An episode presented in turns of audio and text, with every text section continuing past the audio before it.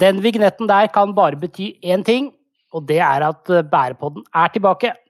Velkommen skal du være, kjære lytter. Vi har savnet deg, og vi håper følelsen er gjensidig. I dag skal vi snakke om AI, et felt som alle har hørt om, men få fullt ut forstår rekkevidden av. Og det skal vi forsøke å gjøre noe med de neste 45 minuttene. Så ta på deg noen gode sko, eller finn en behagelig stol. Putt proppene i øra og gjør deg klar til det vi tror og håper skal bli en behagelig opplevelse, fullstappet med læring og innsikt. Og Sigurd, du eh, sitter vel allerede klar, du? Godt plantet i godstolen i kjelleren? Mm, ja, Håkon. Eh, Riktignok er jeg eh, godt plassert på hjemmekontoret her i eh, kjelleren min, men eh, jeg må innrømme at jeg liker best å stå når vi snakker om spennende temaer og, og med spennende gjester.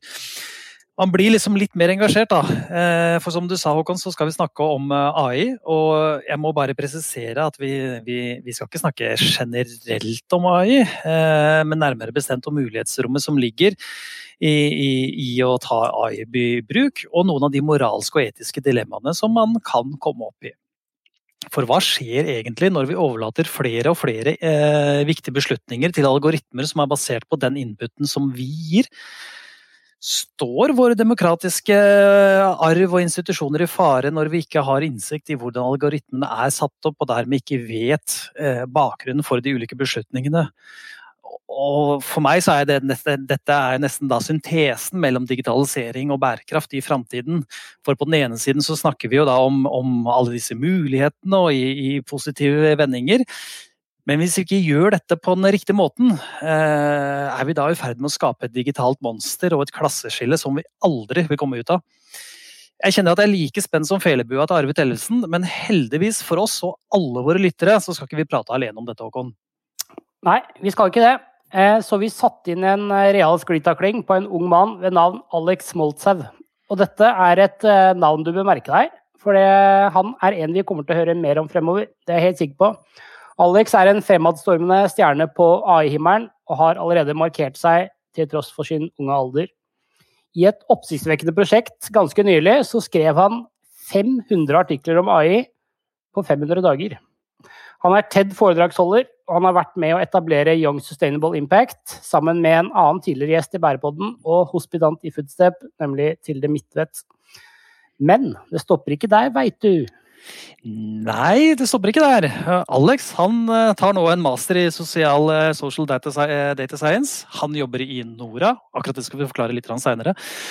Og jammen meg så studerer han ikke også kinesisk i samme slengen. Eh, og dette er bare noe av det denne driftige karen bruker tiden sin på. Eh, det er mildt sagt imponerende, og dette skal vi grave nærmere i i den neste halvtimen eller 45 minuttene. Dette gleder vi oss til, men før vi kommer så langt, her er endelig litt mer Footfacts. Hei, Ida Gram fra Footstep her. I dag skal vi inn på de store linjene, de store mulighetene, jakten på paradiset og det fullkomne samfunnet hvor alt er mulig. Fortellingen har alltid vært der. Fra Platons Staten, Johannes' åpenbaring i Bibelen, Thomas Moores Utopia og i mer moderne tider Aldous Huxleys vidunderlige nye verden. Hva er den store fortellingen i dag? Sikkert flere, men en av dem handler om AI, eller kunstig intelligens, som det heter på norsk.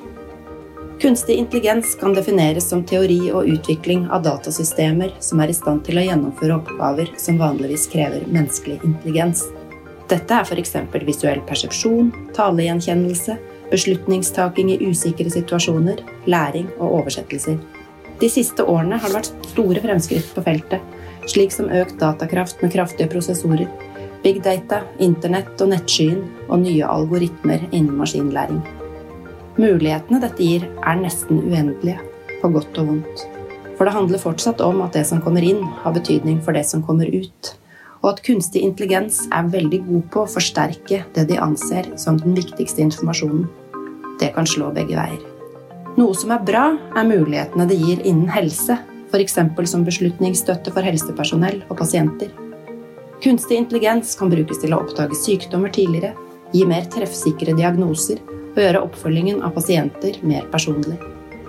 Et litt mer kuriøst eksempel, som nevnes på forskning.no, er sjakkrobotene, som er bedre i sjakk enn Magnus Carlsen, fordi de har spilt om og om igjen og aggregert og lært seg alt det som fungerer bra. Et eksempel på hvor galt det kan gå, er det om da Amazon brukte kunstig intelligens for å finne de beste kandidatene, og endte opp med å luke ut alle kvinnelige jobbsøkere fordi historikken tilsa at det gjennomgående var menn som ble ansatt.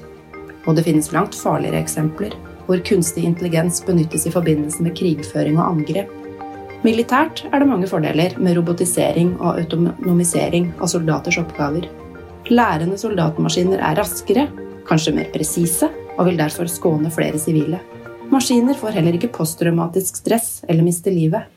Billigere våpensystemer kan gi slankere forsvarsbudsjetter men de etiske og juridiske problemstillingene blir radikalt annerledes. For hvem har ansvar for handlingene til tenkende våpen? Hvordan kan vi ettergå avgjørelser tatt av kunstig intelligens når vi ikke kjenner til eller forstår hvordan de tar beslutninger? Dagens rutiner, regler og konvensjoner er ikke laget for roboter. En annen utfordring med bruk av kunstig intelligens er hvordan dette kan være med på å forsterke forskjellene mellom fattige og rike, Sammen med robotisering kan kunstig intelligens være med på å effektivisere beslutningsprosesser og en del enklere oppgaver i samfunnet som ellers ville ha blitt gjort av ufaglærte. Dette kan spare samfunnet for store summer og gi verdiskaping på andre områder som er mer fremtidsretta. Men hva skjer når store multinasjonale selskaper med kreativ skatteplanlegging kommer inn med sin teknologi? På et makronivå risikerer vi da at mange av de verdiene som i dag blir skapt i samfunnet, flytter ut og havner i hendene på de som allerede har veldig mye? Og hva betyr det for oss som mennesker og demokratiet at vi som samfunn ikke har innsikt i algoritmene som er grunnlaget for de ulike beslutningene som blir foretatt? Dette er noen av de temaene vi skal ta opp i dagens episode. Ja, tusen takk til Ida Gram for en klok innledning som vi skal ta med oss inn i samtalen med Alex. For nå skal vi endelig slippe han til. Hjertelig velkommen til Bærepodden, Alex. Tusen takk. Aller først, gi oss et lite innblikk i hvem du er. Eh, jeg er en person med veldig mange interesser, eh, som du sikkert har skjønt. Eh, og jeg brenner jo veldig sterkt for, eh, for, bærekraft. Og, og, på en måte mye av den eh, gnisten kan si, da, eh, kom jo fra eh, den jobben jeg gjorde med Young Sustainable Impact, hvor vi, vi, på en måte var så heldige at vi møtte unge fra nesten alle forskjellige steder i verden og hørte litt om deres situasjoner og, og hva de var opptatt av. Eh, så, så det, gjør, det, det, er på en måte det som gir meg energi. Da. Det er det som eh, gir meg altså den viljen da, til å ville gjøre kanskje veldig mye forskjellig og, og forsøke å forstå eh, mer om verden. Og en, en, stor ting i verden nå, det er jo kunstig intelligens. Eh, og, og, det er på en måte alle samfunn blir jo påvirket av, eh, av, eh, av de avgjørelsene da, som gjøres eh, innenfor disse algoritmiske rammeverkene. Eh, så, så, for meg så var det jo veldig viktig at de avgjørelsene også er ansvarlige, og at vi da tenker på bærekraft og klima når de gjøres. Sånn, eh, ja, sånn ellers så har jeg gjort mye forskjellig. Eh, og nå har jeg på en måte vært veldig fokusert da, på, på, et, et knippe med temaer. Så forhåpentligvis så begynner jeg å bli ganske god da, på å prøve å forstå eh, et, sånn, et lite knippe med temaer som har innvirkning da, på, på bærekraft. Mm.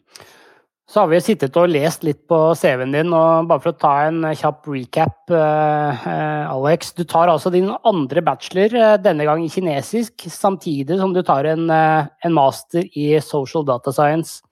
Og det gjør du samtidig som du jobber med AI-forskning i Nora. Har du tid til å sove? Um ja, det er jo sånn at uh, det, mye det vi jobber med i Nora, uh, det er jo å, å, bidra til å koordinere forskning. Uh, men, det er åtte timer om dagen, altså. Alt går veldig godt overens. fordi jeg, jeg, studerer jo veldig mye på en måte programmering, praktisk programmering. Tenker mye på samfunnsvitenskapelig teori. Og innenfor Nora så er det jo både eh, liksom mye som skjer nasjonalt, da, men også ekstremt mye som skjer internasjonalt.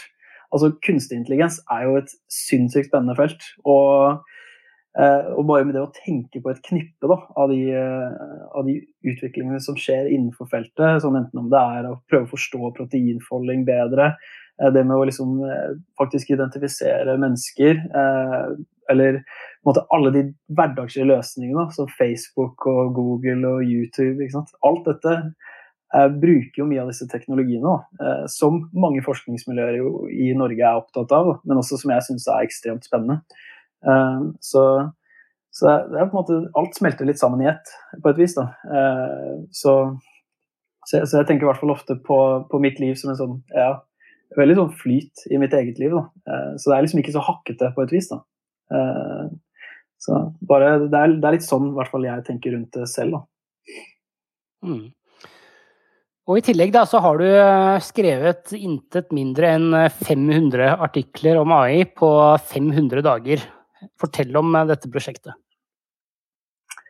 Ja, så eh, jeg tror kona er veldig glad for at det er over på en labbis. men, eh, men, det er også sånn Det var jo en fascinerende reise, da. Eh, og jeg, jeg, tror kanskje ikke at jeg tenkte at jeg kom til å fullføre de 500 dagene når jeg startet uh, på det. Men, uh, men, når jeg begynte, da, så var det bare så spennende. Da. Og det er nyheter om kunstig intelligens nesten, nesten, hver eneste dag. Og, og, og, på en måte selv etter 500 dager så forstår jeg hvor lite jeg forstår måte, av kunstig intelligens. For det er jo forskere som har forsket på dette i ja, en, livstid, kan man si. Da. Og innenfor så mange områder også.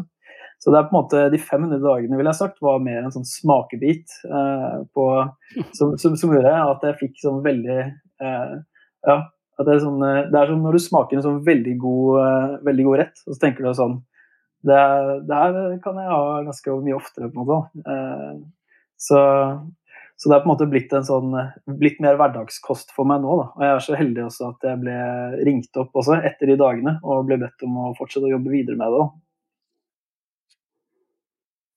Mm. Ok, eh, nå har vi blitt litt kjent med, med deg, Alex. Eh, og, og, dette er jo da helt sikkert et navn vi kommer til å høre mer om i årene som eh, kommer. Eh, og de fleste av oss begynner etter hvert også å bli ganske sånn kjent med begrepet AI, eller KI om du vil.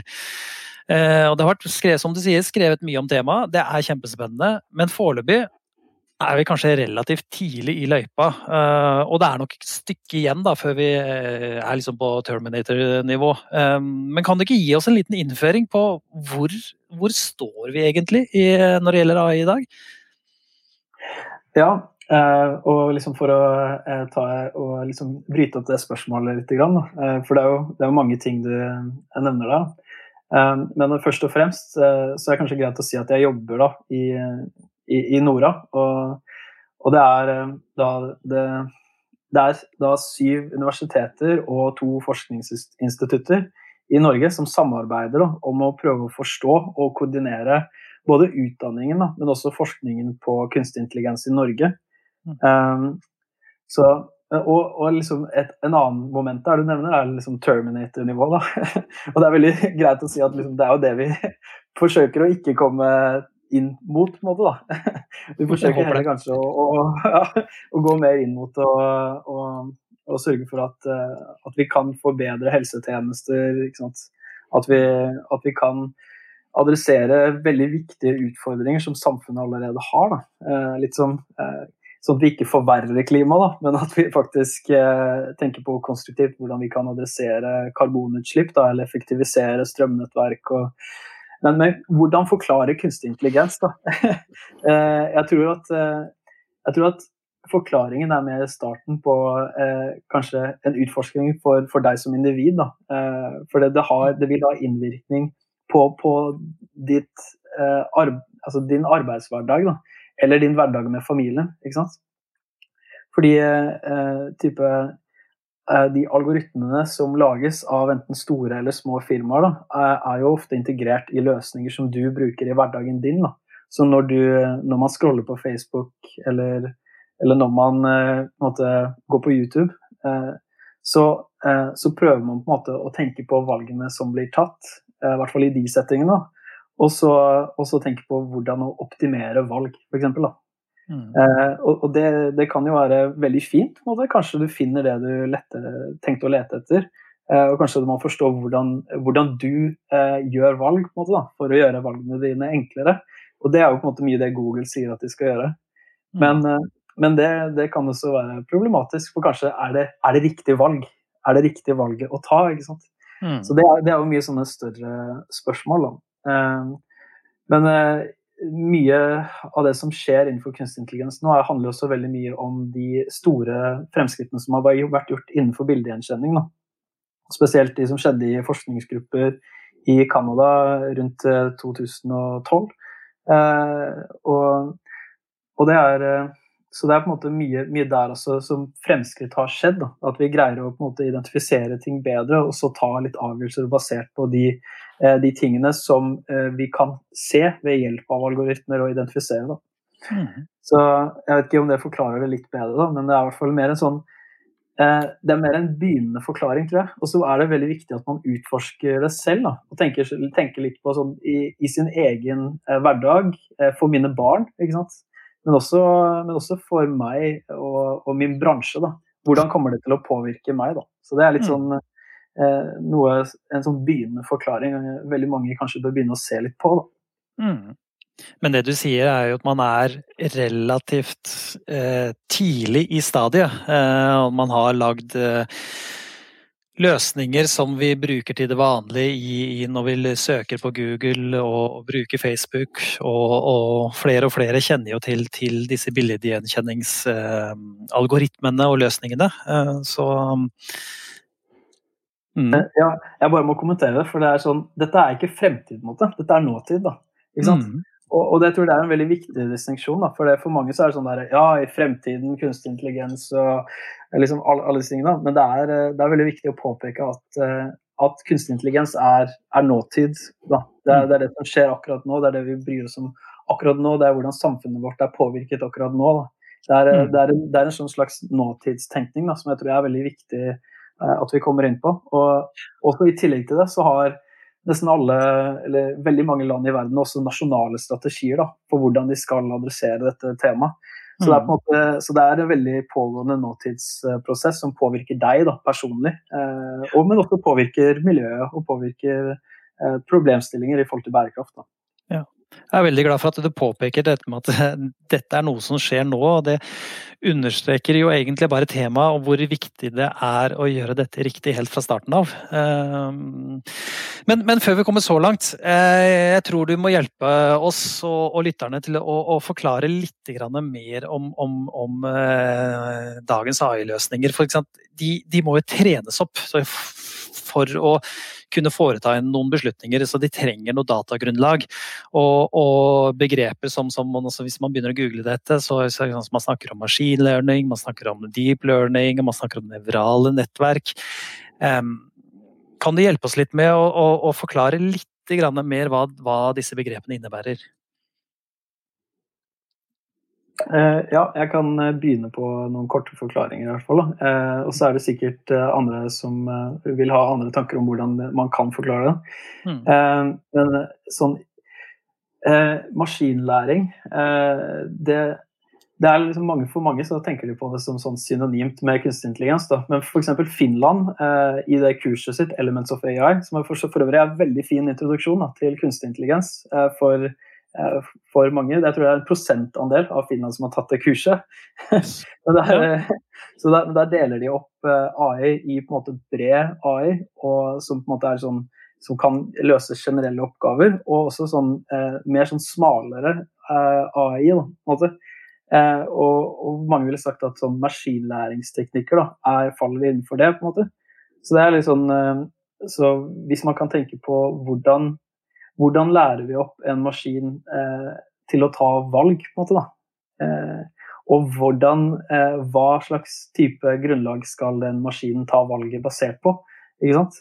Så, så, dat, så grunnlaget eh, for de valgene, det er jo ofte da data, ikke sant.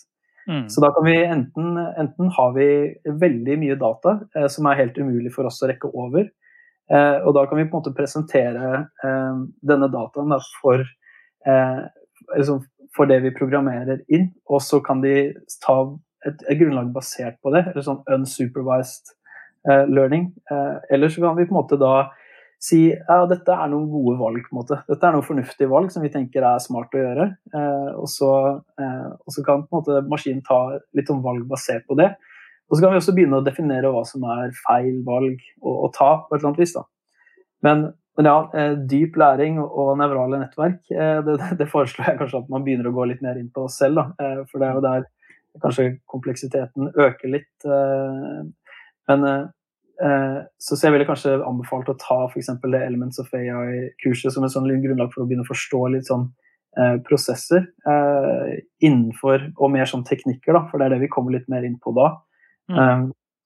Men, men, ja, sånn, eh, som sånn bredt da, så er det på en måte at man hadde noen tanker om hvordan man skulle modellere disse programmerte valgene etter måte vi tenker på, da, og etter liksom, type prosesser i, i, hjernen vår på et eller annet vis. Eh, så hvordan typen, forskjellige typer noder er bygget opp eh, for å kommunisere med hverandre. Da.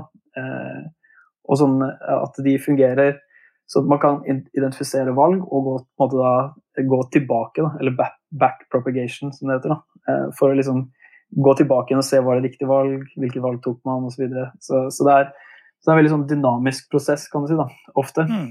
Eh, så, ja. Spennende.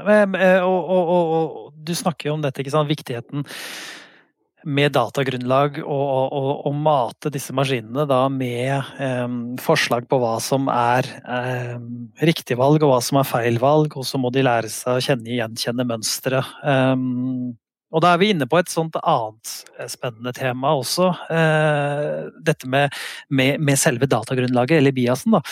Um, og i mange altså Det finnes jo flere eksempler på eh, datagrunnlaget som da inneholder da menneskers forutinntatthet og fordommer. Eh, og disse kan man jo risikere at det bare blir forsterket gjennom disse ulike AI-modellene. Eh, hvilke tanker gjør dere rundt det? Ja, jeg tenker jo at, eh, at det, er ikke, det, er alle, eh, det er ikke alle folk i verden som har hatt eh, miljøhensyn eller hensyn i forhold til bærekraft med i, i, betraktningen når de tar avgjørelser. Da. Eller at det er andre ting som kan ha vært uh, viktigere på måte, i avgjørelser som blir takt, tatt. Uh, og så kan man tenke på hva skjer hvis vi automatiserer dårlige avgjørelser. uh, så, så, så det, måte, det, er litt hva, hva slags moral har mennesker, da. og kan vi trene opp en maskin til å tenke moralsk? Det det er litt problematisk fordi også, vi har vel ikke alltid kommet så langt måte, da, eh, i alle settinger. Så Det er også viktig å påpeke at kunstig intelligens er, er, veldig mye i bruk, men det er også et veldig forskningsfelt. Måte, så forskning eh, innenfor kunstig intelligens, grunnforskning og anvendt forskning innenfor kunstig intelligens er, er ekstremt viktig i disse typer settinger. Fordi eh, mm. eh, når det kommer til eh, etisk ansvar av kunstig intelligens, så er det liksom både snakk om hva skjer når, eh, når, vi på en måte sier at et valg skal bli tatt, og det valget har en konsekvens som er veldig uheldig, da. Mm. Det er jo en eh, ting. Og det prøver man jo å takle med lovgivning, f.eks. i Europa. Eh, med GDPR. ikke sant? Det er, og noe som det er fint med, med GDPR, f.eks., er jo at, at, at, man har også et ansvar for de konsekvensene som eh, som den avgjørelsen har. F.eks. en avgjørelse som ble gjort i Bologna eh, nylig, eh, hvor eh, du hadde jo Deliveroo, litt sånn à la Foodora i Norge f.eks. Eh, der hvor eh, de hadde laget et rammeverk som gjorde at de syklistene deres, eller de som, de som jobbet for Deliveroo og leverte mat, de hadde ikke mulighet til å streike. Ikke sant? Mm. så, så, plutselig har du liksom da laget et rammeverk som gjør at du ikke kan respektere eh, nåværende lovgivning da, og andre verdier som vi har i samfunnet. Så, mm. så, på en måte, hvordan, eh, hvordan, vi lager rammeverket for gode valg, da. det er jo det vi er, mange er opptatt av, enten om det er i organisasjoner, bedrifter eh, og ellers. da. Mm. Så for, for, min del så handler det om liksom, rammeverket for eh, bærekraftige avgjørelser, eller eh, avgjørelser som tar hensyn til klima, f.eks. For, for utviklere så handler det litt om hvordan, hvordan kan de utvikle eh, en løsning som tar hensyn da, til disse aspektene. Eh, mm. Så, Men det, så, ja. det, må jo være ekstremt spennende å jobbe med. For jeg bare tenker sånn um, altså Hvis du mater disse maskinene inn med mye data så, og historisk data, og så hva som er moralsk og etisk riktig, det endrer seg jo gjennom tiden. Eh, eksempelvis eh, homofilt ekteskap var jo utenkelig for 100 år siden. Eh, og eh, altså det som er moralsk og etisk riktig i Norge i dag, er kanskje noe helt annet enn det som er moralsk og etisk riktig i Kina eller Saudi-Arabia. Så du får masse sånne problemstillinger da, som du må forholde deg til. Ja, ja, for det er jo på en måte viktig da også å påpeke at uh, kunstig intelligens er jo veldig internasjonalt. og Hvis vi enten bruker eller kjøper inn løsninger fra andre steder som, uh, som veldig hyppig tar i bruk uh, løsninger som analyserer store mengder med data og så tar avgjørelser basert på, på, det. Og i mange sammenhenger så er det teknikker da, som vi kategoriserer som kunstig intelligens, som er involvert i, i, akkurat det. Da. Mm. Ja, eh, så, så, på en måte Hvor, hvor står vi hen? Vi, er, vi, står på et sted der vi må forstå kunstig intelligens da. i langt mye større grad, og vi må koordinere det i langt større grad enn vi kanskje har gjort før. Eh, mm. Og det, det går jo på at vi trenger da eh, liksom at staten f.eks. i Norge er flinke og dyktige til å koordinere det. Vi, vi trenger på en måte fantastisk gode forskningsmiljøer. da. Men samtidig så trenger vi altså Sigurd og Håkon, eh, som, eh, som, tenker sånn hva med, hva med, bærekraftspørsmål i forhold til eh, kunstig intelligens? da? Eh, mm. Så, så, så vi, vi, trenger jo det også, ikke sant. Det er det. Er det, mm. det, er det. For, at, eh, for, at, dette skal fungere på en god måte, da, så, så, er vi nødt til å stille oss selv de viktige spørsmålene. Og et av de aller viktigste spørsmålene i verden nå er klimakrisen vi står overfor. F.eks. For eksempel, da. Så, så, det er litt sånn stort spørsmålstegn. da. Hvis kunstig intelligens skal være viktig i det hele tatt, så må det jo nesten måte, ta inn over seg at det er en eh, problemstilling da, vi har i samfunnet. Mm. Kloke betraktninger, eh, Alex. Og Vi har jo så vidt snakka litt før episoden òg. Jeg vet du har sterke meninger om behovet for å utvikle en eh, strategi for bærekraftig kunstig intelligens. Fortell om hva som ligger bak dette engasjementet.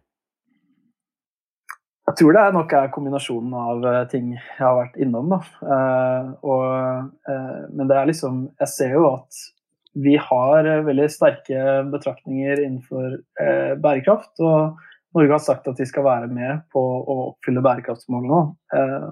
og så Det går jo inn i såpass mange bransjer da, og såpass mange områder. Jeg tenker at kunstig intelligens er et veldig viktig område eh, for å få til en bærekraftsstrategi eh, helhetlig. Da. Og jeg tenker at eh, Det er veldig godt grunnlag også for at vi skal kunne samarbeide for det i Norden. Paul Chaffey skrev jo under en sånn avtale i Nordisk ministerråd mellom da Norden og Baltikum på at sånn, vi skal samarbeide om kunstig intelligens. Så jeg tenker sånn, Hva er den første tingen man egentlig bør samarbeide om? da? og da tenker jeg eh, hvorfor ikke bærekraft? Eh, og Det kan jo være at de, de, samarbeider om en del forskjellige ting allerede. Eh, og jeg, jeg mener at jeg, Selv om jeg har sett på mye av dette, så er det fortsatt eh, masse igjen jeg har å lære. da. Jeg tenker i hvert fall at, eh, at akkurat bærekraft det tenker jeg det er noe Norden, eh, og kanskje Baltikum også, bør samarbeide om sammen da, og ha en egen slags eh, strategi for. Som operasjonaliserer kanskje litt mer de tankene man hadde i den nasjonale strategien for uh, kunstig intelligens, som kom uh, i, i, fjor, i, i 2020, den 14. januar. Så, så, vi har på en måte en nasjonal strategi i Norge for, for kunstig intelligens. Eh, men den er veldig fokusert på, eh, på eh, andre ting. Den, den, tar opp bærekraft i en av de første setningene. Men, men, det er ikke så veldig detaljert da, hvordan vi skal nå det. Så da tenker jeg at, at vi må på en måte detaljere det litt mer. Da. Hvordan skal vi få det til sammen? det, det, er i hvert fall et litt åpent spørsmål for min del. Da. Mm. Mm. Hvis du skal, eh, hvis du skal se litt på, på måte, kunstig intelligens og, og veien eh, fram mot et mer bærekraftig samfunn, er det, noe, er det noen helt konkrete områder du vil trekke frem? Er, det noen lavthengende frukter? på en måte? Hva tenker du om det? Ja, utvilsomt. Det er jo det som er så fantastisk, at vi har, at vi har mange dyktige folk i, i Norge på det. Og, og, jeg tenker i hvert fall sånn eh, Hvordan får vi til bedre byer, da? det, er, det er jo et kjempeviktig spørsmål. Og Spacemaker AI er jo et norsk selskap som har utviklet løsninger da, for å forstå litt mer de forskjellige premissene vi bygger på. Da, som forstår sånn vind og sol og alle mulige ting som er viktige i boforhold. Da. men eh, der man også sikkert kan integrere i enda større grad eh, betraktninger da, i forhold til i forhold til bygg og, og, bærekraft i kanskje en enda større grad. men så har vi f.eks. Vake, eller Wake.ai, som prøver å få en forståelse for ulovlig fiskerivirksomhet. Da. Fordi overfiske er et gigantisk problem da, i verden. Vi vi fisker jo bort uh, mye av, uh, av, det som er i sjøen vår. Og ja, så det er, det er et veldig vanskelig eh, ja, område. og så har vi på en måte da all denne mikroplastikken da, som ikke vi kan se, rett og slett. Så det går jo an å tenke seg maskinlæring i forhold til hvordan vi kan identifisere og kanskje behandle mikroplastikk i sjøen. så på en måte bare på toppen da, av av tanken så ser jeg at det er mange muligheter her, da, men også f.eks. med skoger. Da, å få en bedre oversikt over helsen til skoger. Det, det finnes jo allerede noen løsninger her. Da. Men innenfor alle disse områdene så forstår man at teknologi er aldri nok. ikke sant? For det er, dette er jo på en måte store eh, spørsmål eh, som, som har med oss mennesker å gjøre, da, og, og hvilke valg vi tar. så, så, teknologi er jo en del av det, men det er aldri mm. på en måte alt. da. Og Jeg tror det er også viktig å si da, sånn i utgangspunktet. At, at mm. vi, er, vi, er, så viktige i denne sammenhengen, da, og de valgene vi tar er enormt, enormt viktig da, og har så stor konsekvens. Uh, så det handler først og fremst om hva vi kan gjøre sammen. Mm.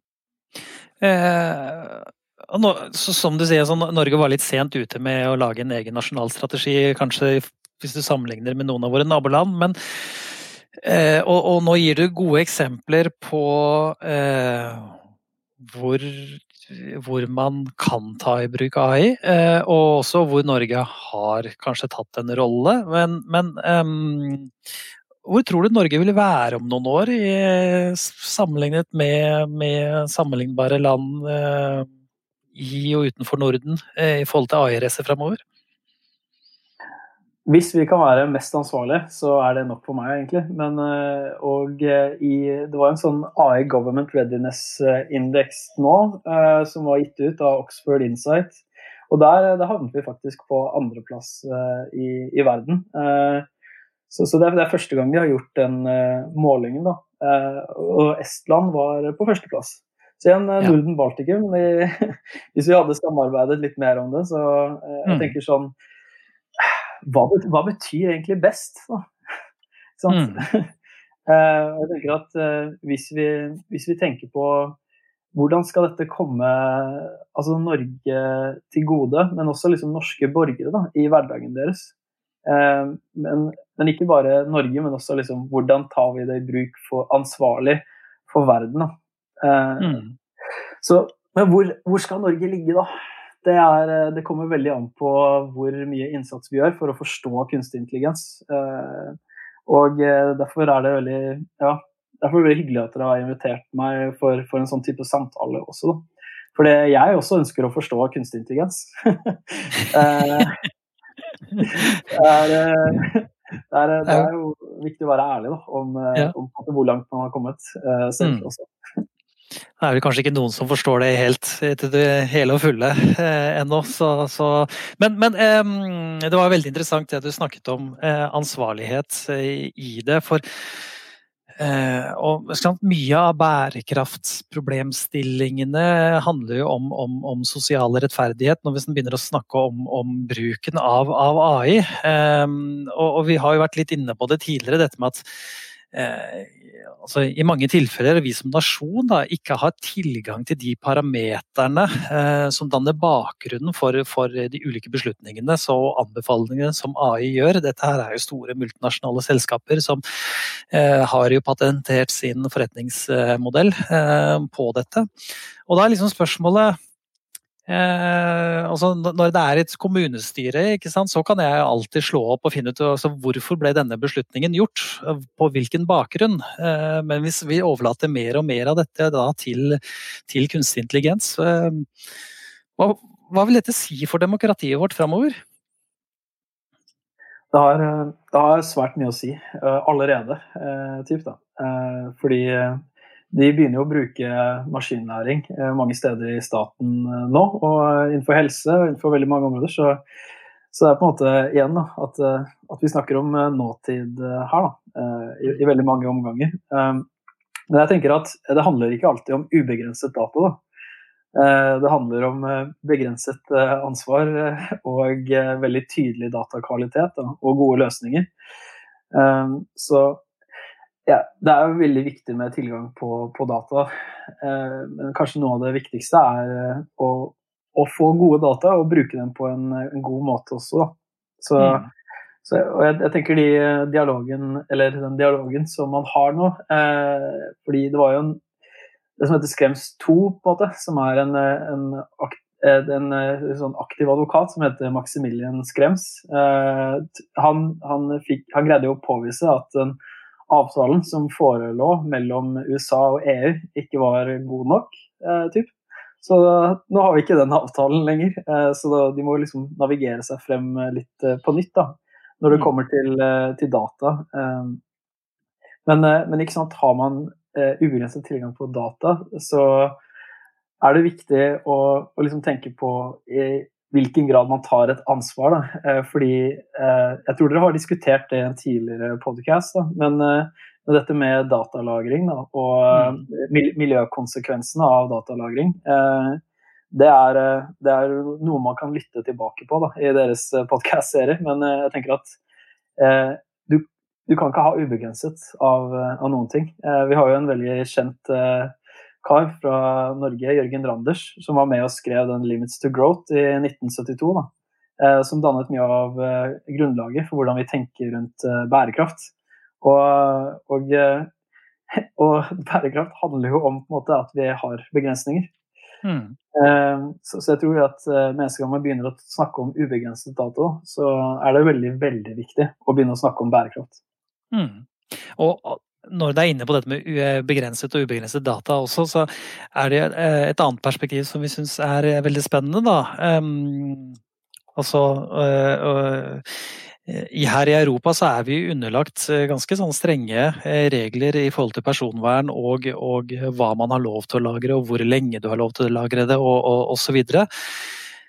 Mens man kanskje da i Kina og USA har helt andre lovverk, eh, eller til dels mangel på lovverk knyttet til det. Og de vil jo ha mye større mulighet for å kunne lære opp sine maskiner fordi de har større mengder med data å, å, å, å kråle igjennom for å kunne se mønstre på, på, på, hvordan eh, anbefalinger blir satt sammen, er det vi kanskje har i Europa. Eh, vil, vil da i hele tatt Europa kunne klare å, å eh, ha noe å si i, de, i, i årene fremover? Ja, jeg tenker at de sier så mye allerede. Eh, at eh, altså Alt dette rundt GDPR det er noe som går til gode ikke for bare samfunns eh, deltakere, borgere i mm. Europa, men også ellers i verden.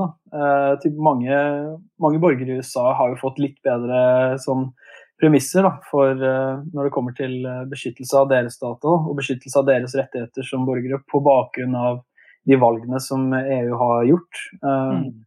Så, så jeg, jeg, jeg, tror det er veldig viktig å se på det på den måten. Det er, ikke, det, er ikke, nødvendigvis et AI-race, på en måte. Da. Eh, det er jo type hvordan kan vi bruke kunstig intelligens eh, sånn at mm. det kommer, kommer samfunnet til gode. Det er, eh, det, er, det er, det det handler om, eh, til syvende og sist. Men det er, det er, dessverre sånn at vi har sånn, ofte en sånn konkurranseånd i verden som, som, som, kommer inn der sånn Nå skal vi bli best på bærekraftsmål seks, eller Nå skal vi bli best. Men det er liksom Nå skal vi bli best sammen, fordi vi har veldig store problemer som vi skal løse. da. Mm. Det, det, er i hvert mine tanker rundt det, da. og det er jo sikkert andre som har en litt annen vinkling på det, eller andre perspektiver. Mm. Det er store spørsmål i spill her, og det er veldig interessant å høre på deg, Alex. Eh, vi skal snart begynne å gå inn for landing, men dette er så viktig at vi skal ta oss tid til et par spørsmål til. Hva mener du er potensialet til AI på, på sikt? Vi har alle sett uh, science fiction-filmer og på en måte gjort oss opp noen tanker, men hvor mye kan det faktisk endre hverdagen vår i praksis? Hva tror du? Ja, altså helseløsninger, eh, f.eks. Eller sånn din egen helsedata osv. Det er jo mange som er litt redde for det, med god forståelse for liksom at, at, vi må beskytte folks egne data. Da. Men bare tenk om vi hadde en bedre samkjørt pasientjournal da, og greide å finne litt ut av når, altså når folk trengte hjelp, da, og gjorde det enda enklere for dem å få tilgang på det. Og så samtidig skape litt bedre helseløsninger som fungerer litt mer effektivt. Allerede der så har man jo eh, store muligheter. da. Nå snakker jeg litt fort, eh, men det er jo mye som jeg kanskje ønsker å gå gjennom. men jeg, jeg, i hvert fall sånn, Det er bare ett eksempel, da. men også, også, det jeg har nevnt litt sånn tidligere. At, at, det er veldig mange områder i samfunnet der vi prøver å forstå et, eh, et, et gitt tema, da, og der vi har tilgang på på ganske mye informasjon som vi er nødt til å navigere i. Uh, så, men det er noen av de som ligger lengst fremme i Norge på, på, dette med å prøve å gå inn på bærekraft og, og kunstig intelligens. Uh, det må jo være et i hvert fall Et av forskningsmiljøene bør jo ha litt sånn greier på det. det er jo et sånn Nordic Center for Sustainable and Trustworthy AI Research nå, som vi har laget på Oslo Met f.eks. Nord, Nordstar så det er jo et sånn academic environment in modern artificial intelligence. Uh, så, så der, eh, der, bør det i hvert fall skje noe, tenker jeg. Uh, men, men, sånn Det er jo firmaer, da. Det er jo mange firmaer i Norge som prøver å tenke litt sånn praktisk på hvordan man skal løse, løse det her. så ja. Men ja, ikke sant. Det, vil, det har jo allerede endret hverdagen vår på så mange måter, liksom. Eh, og det er litt sånn gjennomgående budskap her, da. Men sånn, tenk bare på hvordan hverdagen din har blitt endret. på en måte. Hvor mye type barnet ditt eller eh, liksom kameraten din ser på en skjerm, liksom. Og hvordan de valgene tas på den skjermen som den personen du kjenner, ser på. Eh, liksom, det er bare Det er bare så enormt da, å se hvordan det påvirker oss personlig. da så kunstig intelligens påvirker oss alle personlig allerede, eh, og det er snakk om nåtid. Mm. Helt til slutt, Alex, og dette spørsmålet stiller vi alle våre gjester. Hvem eh, mener du ligger lengst fremme i Norge når det gjelder å se digitalisering og bærekraft i sammenheng? Hvem mener du fortjener en bukett med virtuelle blomster? Ja, det er hvem som fortjener en bukett med virtuelle blomster. Eh, det er så mange å gi den eh, Jeg måtte delt opp den buketten da, i veldig mange sånne i veldig mange blomster og gitt det ut til, til, litt sånn ulike folk, på en måte. Men, eh, ja. Men jeg syns jo at Mali Hole Skogen i IKT Norge, som er leder for bærekraft og, og teknologi, der eh, hun jo fortjener jo definitivt en, en sånn digital eh, blomst du kan si, da, fra den buketten. Eh, hun gjør en fantastisk jobb da, med å prøve å få satt det litt mer på agendaen, men også en kjempegod forståelse for, for temaet. Eh, og så har du jo på en måte en digital blomst til eh, Inga Strømke, på en måte, som jobber med forklarbar kunstig intelligens, som er nesten å se overalt. Da. Jeg husker en sånn dag da jeg var på to forskjellige sånne debatter sånn, som deltaker, da, vel å merke. Og så, og så, Inga, der hvor hun forklarte kunstig intelligens, og senere der hun diskuterte med studenter på kvelden. og jeg vet ikke, det er sånn, Dette er jo en samfunnsdebatt. Da. Det, er, det handler jo på en måte om hvordan vi skal eh, være ansvarlige i samfunnet. Og, så, så den, den, type folk, da. Men eh, ja, det er litt sånn rart å si at jeg skal gi en sånn blomst til, til sjefen min, på en måte. da, men ja. Jeg vet ikke, Det høres litt sånn kleint ut, da, på en måte. Men, men han, ja, han Claes Pettersen er jo utrolig dyktig til å skape en god samtale da, eh, om eh, kunstig intelligens i, i, i, Norge. Og Det er jo derfor jeg begynte å jobbe for, eh, for Nora, og gikk, gikk, fra en kjempe, veldig fin jobb i KPMG. Veldig, veldig hyggelig team som jeg jobbet med der, da, over til å jobbe med, med Klas i The Norwegian Artificial Intelligence Research Consortium. Så ja, det, er, det, er, så mange med flere folk da, som bare gjør så mye fint når det kommer til å, å, å tenke konstruktivt rundt kunstig intelligens i Norge. Så, så det, er, det, er, mange blomster å gi ut. da. Men det er i hvert fall tre blomster som jeg, som jeg kom, kom, på da, sånn umiddelbart. Mm. Ja, det syns jeg er vel fortjente eh, kandidater som fikk disse blomstene. Og for de som eh, har lyst til å høre mer av Mali Hole Skogen, så er hun også med i en tidligere episode av Bærepodden. Ok, det var det, som eh, hverdagsfilosofen Marve Fleksnes sa en gang i tiden. Det har vært en utrolig innsiktsfull samtale. Mye å lære, mye å fordøye. Tusen takk til deg, Alex, for en fin prat og en god innføring i et ekstremt spennende fagfelt som kan komme til å prege fremtiden vår mer enn vi enda helt forstår rekkevidden av. Det var det vi hadde for denne gang. Footstep og Bærepodden er tilbake veldig snart med nye spennende gjester og temaer. Tusen takk for at du hørte på. Ha en nydelig dag videre.